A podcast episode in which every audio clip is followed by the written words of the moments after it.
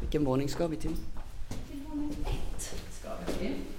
Eh, och den här lägenheten är en, en ovanligt stor tvåa med möjlighet då att göra om det till en, en bekväm trea. Eh, Krångligt lås uppenbarligen. Ja. Paula Guerrero är fastighetsmäklare hos Södermäklarna. En firma som fokuserar på försäljning av lägenheter både på Södermalm i centrala Stockholm och i förorter i framförallt de södra delarna av huvudstaden. Hon är en av gästerna i Bopodden från Svenska Bolån som denna gång handlar om räntor och bostadsmarknad. Idag håller Paula i en visning av en 64 kvadratmeter stor tvåa. Den är jättebra planerad eh, tycker jag och det är typiskt 90-talshus. Inte lika skärmfull alltid, just den här har ju de här fina fönstren. Nu måste jag fortsätta här för Ja. jag ska gå ner till min eh, Gör det. Jag, eh, visningsvärd som ska hjälpa mig där nere. Paula fick lite mycket att stå i. Det är en hel del kvar att förbereda inför lägenhetsvisningen. Så vad göra då? Jo, besöka SBAB i Sundbyberg. SBAB var från början ett renodlat bolånebolag. Men nu erbjuder de även privatlån och sparkonton. Hej! Hej!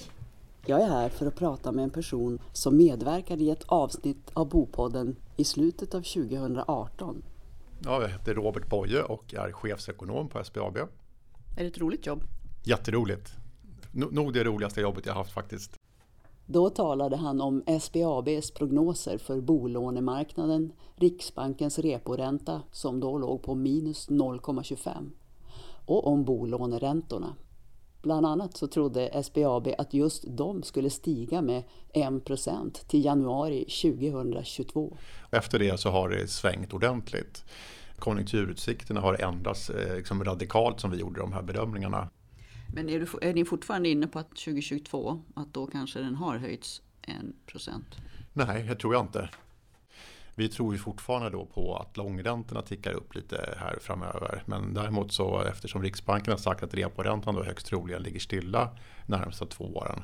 Så, så tror vi också att den rörliga bostadsräntan kommer ligga i princip stilla de kommande två åren. Som chefsekonom på SBAB följer Robert förstås världsutvecklingen.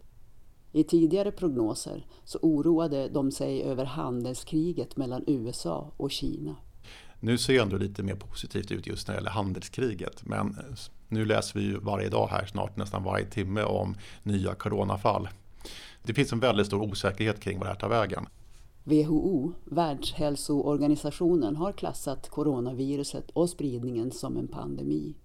Många länder stänger sina gränser därför att de tror att det skulle kunna hindra spridningen och världens börser har störtdykt. Och allt det här slår ju hårt mot såväl den globala som svenska ekonomin. Och det om något talar inte för att räntorna kommer gå upp i så fall utan att de förblir låga under, under ganska lång tid. Och nu pratar du om reporäntan, eller pratar du om bolåneräntorna nu? Ja, de hänger ihop så att egentligen, egentligen pratar jag om reporäntan för det är den man använder i konjunktur, konjunktursyfte. Går vi ner, skulle vi få en väldigt låg inflation och en kraftig lågkonjunktur här, till och med kanske en global recession, då kommer definitivt Riksbanken att hålla reporäntan kvar på nuvarande nivåer. Kanske till och med sänka den om det vill sig illa. Varför tycker man att det är så illa? Att man har en låg ränta. Alltså det finns, det finns egentligen eh, vad ska jag säga, ingen, ingen bra forskning som visar eh, effekterna av en negativa realräntor. Utan det här är liksom delvis en ny, en ny miljö vi befinner oss i. Tidigare har ju Riksbanken sagt att man inte ser några stora risker med att reporäntan ligger på negativa tal under lång tid. Men det verkar som så nu när man tittar på dels räntehöjning i december 2018 från Riksbankens sida och även den sista man gjorde här nu i december förra året, då, strax innan nyår. Att man ändå börjar bli lite orolig för de effekter som kan uppstå när reporäntan har varit negativ under väldigt lång tid. Däremot har inte Riksbanken varit tydlig med det här och det här är någonting som jag har efterlyst. Varför höjer man nu reporäntan i ett läge där alla bedömare eh, gör bedömningen att vi går in med ett svagt konjunkturläge? Det är tämligen unikt att en centralbank höjer reporäntan när vi går in i, i ett sämre konjunkturläge. Så att jag, jag hoppas att Riksbanken mer tydligt då framöver motiverar varför man har gjort detta. Bolånegivarnas räntor följer alltså i stort Riksbankens reporäntas rörelser upp och ner. När man ansöker om ett bolån så tittar banker och bolåneföretag inte bara på ens finanser utan också på hur stort lånet är i förhållande till bostadens värde. Men även om allt det ser bra ut just nu så räcker inte det för ett ja. Du måste dessutom ta dig igenom nålsögat potentiell räntehöjning. Och för att bedöma hur mycket högre ränta som din ekonomi skulle klara av så använder de sig av en så kallad kalkylränta. För närvarande ligger den på mellan 6 och 8 procent. Så hög bolåneränta ska du ha råd med för att bli godkänd. Om man jämför det med ett genomsnitt av snitträntorna hos tio av de stora bolåneaktörerna i Sverige så är kalkylräntorna just nu 4 till 5 gånger högre än vad bolåneräntorna de facto är. När Robert är ute och pratar i olika sammanhang så blir han ofta tillfrågad om vad som egentligen är en rimlig kalkylränta. Jag tycker att den här frågan är fullt relevant att ställa i ett läge där vi vet att räntorna under flera decennier har trendat ned och många bedömare ändå tror att, Eh, liksom jag då, att räntorna kommer förbli väldigt låga många år framöver. Och eh, det borde då eh, föranleda en diskussion om då förstås hur höga kalkylräntor som bankerna ska använda sig av. Vi har ju sänkt då, SBAB har sänkt räntan lite grann här nu. Men tittar man på eh, Finansinspektionen exempelvis då när de gör sina stresstester så tror jag de använder en kalkylränta på 7% Så att på något vis tror jag Finansinspektionen med sin användning av, av sin kalkylränta på 7 Även om inte de, de har inget krav på att ah, bankerna ska använda samma kalkylränta men det blir ett indirekt krav när man själv använder en kalkylränta på 7% Det andra är att jag tror att det blir svårt för enskilda banker att kraftigt avvika från branschstandarden. Därför att när vi lånar upp pengar så påverkar ratingen vad det kostar för oss att låna upp pengar. Ratingen? Ja, alltså de som köper bostadsobligationer de ratear. Det finns en rating av eh, kreditvärdigheten hos olika upplån, upplånare. Då, så att säga. Eh, och om de här eh, firmorna som gör ratingen skulle tycka att vi då genom att sänka kalkylräntan för länge riskerar att ta till oss då relativt sett mindre kreditvärdiga bolånetagare så kan det påverka våra upplåningskostnader uppåt. Så att jag, jag, brukar svara någonting i stil med att det vore nog bra om branschen gemensamt tar sånt, i sånt fall ett initiativ till att sänka kalkylräntorna. Då 20, i slutet av 2018, Robert, när du var med i den podden, då oroade dig över att amorteringskrav och eh, kalkylräntor stänger ute vissa grupper från bostadsmarknaden. Ja. Som unga och kvinnor nämnde du också. Ja. Men samtidigt så menar du att bankerna inte får tulla på sina bedömningar av, av, om hushållen ska klara högre räntor. Och den där ekvationen går ju absolut inte ihop. Nej, som, jag håller med om det. Det är lätt för mig då eh, att, klaga på Finansinspektionen då när de har infört amorteringskrav som stänger ute de här grupperna. Nu hävdar ju Finansinspektionen att det här inte har fått så stora konsekvenser för de här grupperna. Men det, det visar inte de beräkningar som vi och andra har gjort. Och det, det, jag tycker det är lite bekymmersamt. Men jag tänker om bankerna skulle gå, göra gemensam sak och sänka så kan jag ju förstå att, de, att det ändå finns en, förstås ett motiv, en anledning till att man räknar så. Men kan man lösa det på något annat sätt? Liksom, ja, du får ett lån i så länge och sen måste du göra si för att det ska för att du ska få det här lånet just nu? Mm. Det finns ju lite olika förslag som har dykt upp i debatten. Eh, ett förslag som varit uppe det är ju då att eh, om man tar, om alltså en ny lån, låntagare tar ett, ett nytt lån och binder räntan under många år till en låg ränta. Då är man inte lika känslig för en ränteuppgång och då borde bankerna kunna använda då en lägre kalkylränta. Eh, det låter bra i teorin men man, det kan ju också vara så att det här lånet ändå, när man väl har tagit det kan ju hända någonting och han måste flytta. Då står man där. Mm. Och då kanske man har en helt annan situation. Så att vi, vi är ju enligt lag skyldiga att, att, att noga göra en kreditprövning där man tittar också på vad händer vid en förändrad ekonomisk situation. Så att vi kommer liksom inte ifrån den. Men med det sagt då så är det återigen så var en rimlig kalkylränta. I eh, förra programmet som du var med i slutet av 2018 då sa du att vår prognos är att bostadspriserna kommer att sjunka med nästan 10 procent fram till 2022. Mm. Och där fick vi fel. Eh, jo, vi trodde det därför att då, när vi gjorde de prognoserna, då var Riksbanken ganska tydlig med att de skulle höja reporäntan och då trodde vi också att bostadsräntorna förstås skulle gå upp. Vi gör ju den här typen av prognoser fyra gånger per år så, och varje gång så, så, gör vi det utifrån en ny ränteprognos och inkomstprognos för hushållen. Eh, så att vi har egentligen gått från att säga att bostadspriserna skulle falla med ungefär 10% till att nu bedöma att bostadspriserna kommer stå mer eller mindre stilla de kommande två, tre åren. Oavsett bostadspriser så är det inte många som kan köpa en lägenhet, villa eller stuga kontant, utan de flesta tar lån. I förra avsnittet av Bopodden som Robert Boye, chefsekonom på SBAB, medverkade i, så berättade han att de genomfört en studie där de undersökte i vilken utsträckning som bostadsspekulanter granskar föreningens ekonomi. De flesta går förstås igenom årsredovisningen någorlunda. Men en sak som studien visar är att en stor del av spekulanterna inte fäster stor vikt vid skuldsättningsgraden.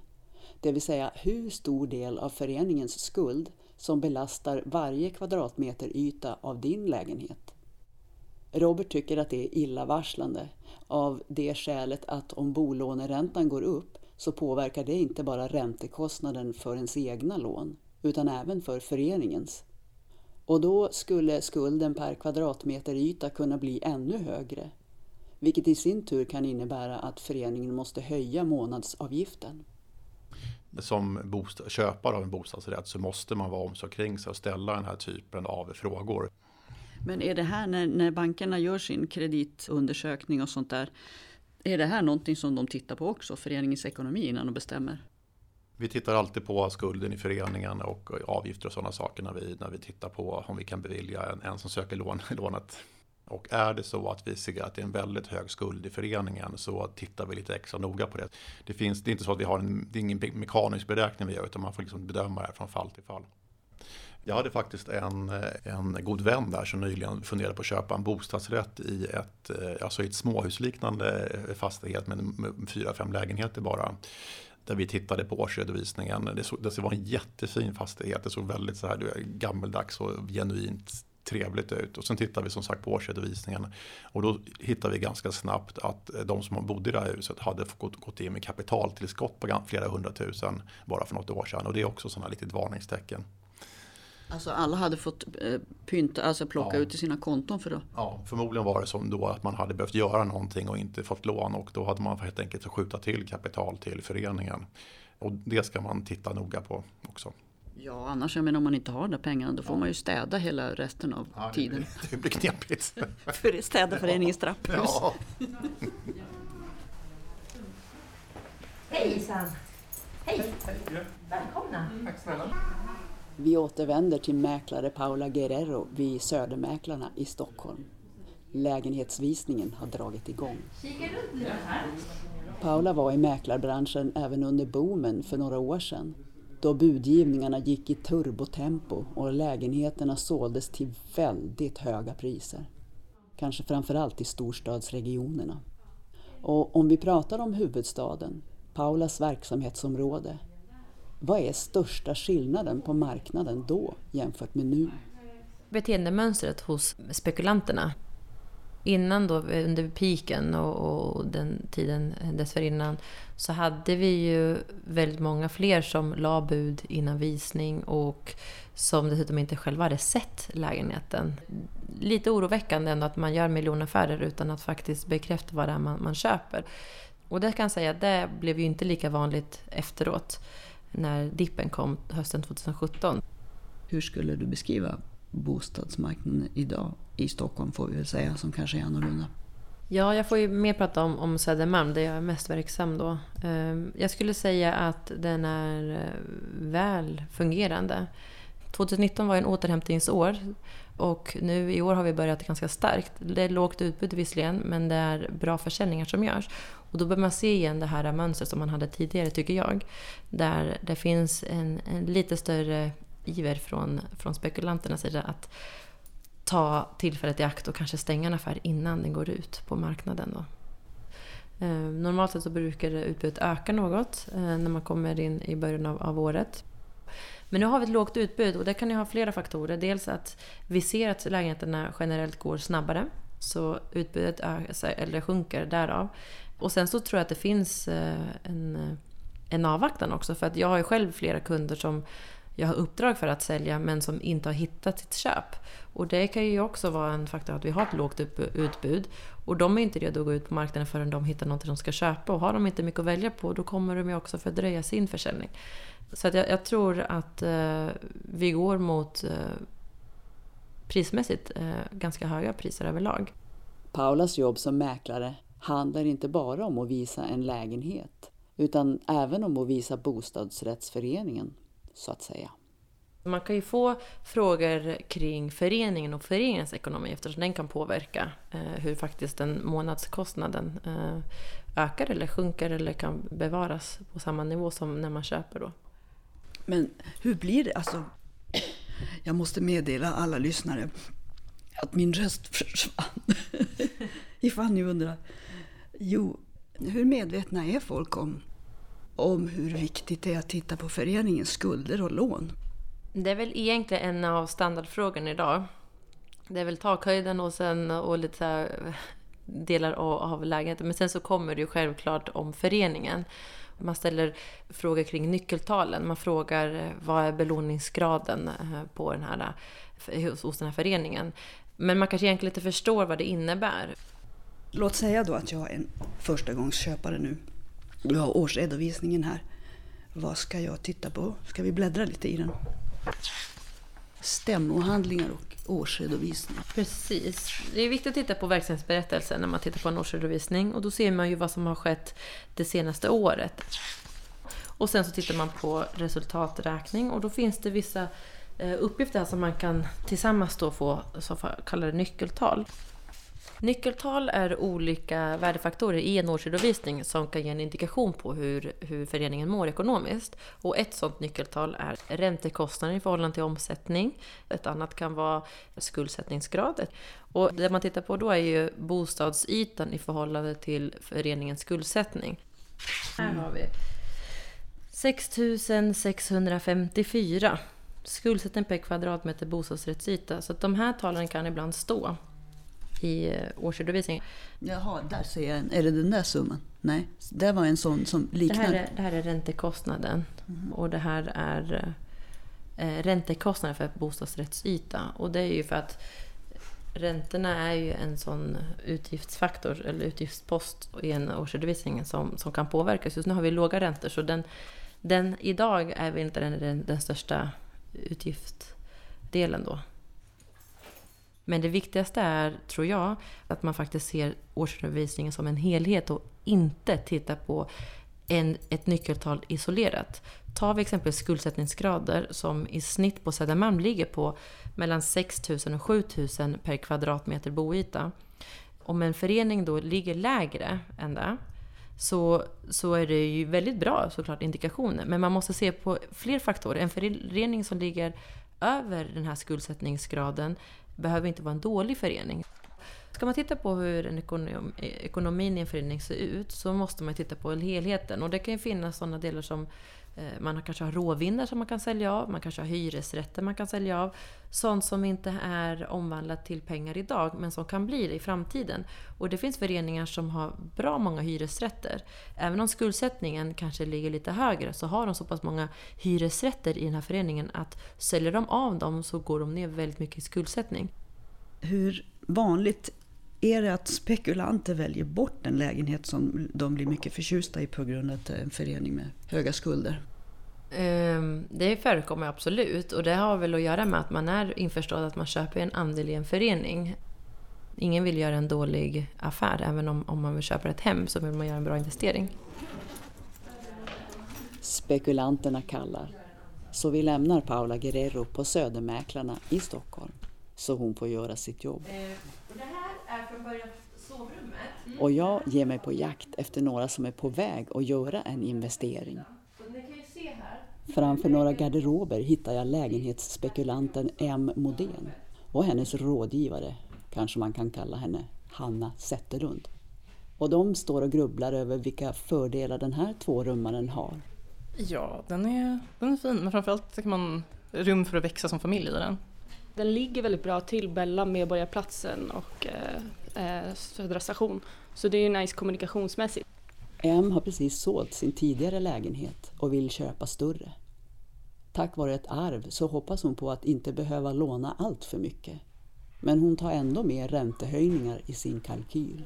Det är självklart alltid i bakhuvudet. Så att jag, jag vill inte låna för mycket för att om det blir för mycket ränta så kanske inte jag har råd att bo kvar här och det skulle vara ganska tråkigt. Det, jag, just nu tänker jag på 90-talet som skräckexempel när räntan var 15-10% under två, tre år. Så att eh, jag vill gärna räkna med i det när jag köper en lägenhet.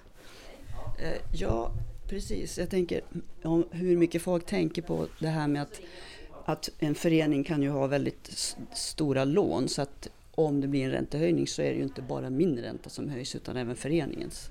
Ja, alltså, man försöker ju titta på vad det är som lånen har gått till. Om det är eh, investeringar för att göra till exempel en större fasadrenovering eller ett stambyte och liknande så vet man ju att det känns mer stabilt för det är en kostnad som kan betalas av över tid. Nu sa du att det kan vara bra att titta på lån som, eller om det är nödvändiga som de har tagit lån för. Men har ni inte sett i årsredovisningarna att föreningarna ibland tar lån för saker som man undrar varför i hela världen de tog lån för det? Ja, till exempel för sådana här saker som bastubyggen, eh, gym och den typen av föreningslokaler som i och för sig är väldigt trevliga men som känns mer som någonting som görs för att konkurrera med andra föreningar på bostadsmarknaden och som görs nu när räntorna är så låga snarare än att man har det här långsiktiga perspektivet för vad ja, huset egentligen behöver. Har du skippat att börja buda eller överhuvudtaget gå till en lägenhet när du har för att du har sett att den här årsredovisningen, årsredovisningen är ju inte särskilt bra? Ja, det händer. Oftast tittar jag på belåning per eh, kvadratmeter och sen så lyssnar jag på henne så låter hon min revisor. Hur, tycker, hur ser ni på bostadsmarknaden rent generellt idag? Uh, jag ser den som ganska läskig just eftersom den privata skuldsättningen gör att den blir ganska känslig för eh, förändringar. Vi har inte de här stora statliga investeringarna i för att reglera lån och risker som vi hade tidigare och det gör att vid en eventuell ränteförändring, om vi, om vi går tillbaka till krisen på 90-talet som ett exempel, om det kom en liknande idag med den typen av liksom drastiska räntehöjningar så skulle det få en större konsekvens idag än vad det fick då och redan då fick det ju extrema konsekvenser. Jag tänker att när det är ett läge som det här där vi står inför, vi vet inte hur corona till exempel kommer påverka bostadsmarknaden, vi vet inte hur ekonomin ser ut om några år. Så då är det bästa är väl att försöka hitta ett ställe där man trivs på och vet att man kan bo kvar även om det skulle vara så att det blir svårt att sälja i framtiden. Så att man inte desperat måste bli av med det när priserna går ner, om det gör det. Bopoddens avsnitt om bolåneräntor, ränteprognoser och bostadsrättsmarknaden är slut. I podden har vi hört Robert Boye, chefsekonom på SBAB, Paula Guerrero, mäklare vid Södermäklarna i Stockholm, samt lägenhetsvisningsbesökarna M Modén och Hanna Zetterberg. Jag heter Helene Almqvist och tackar för mig.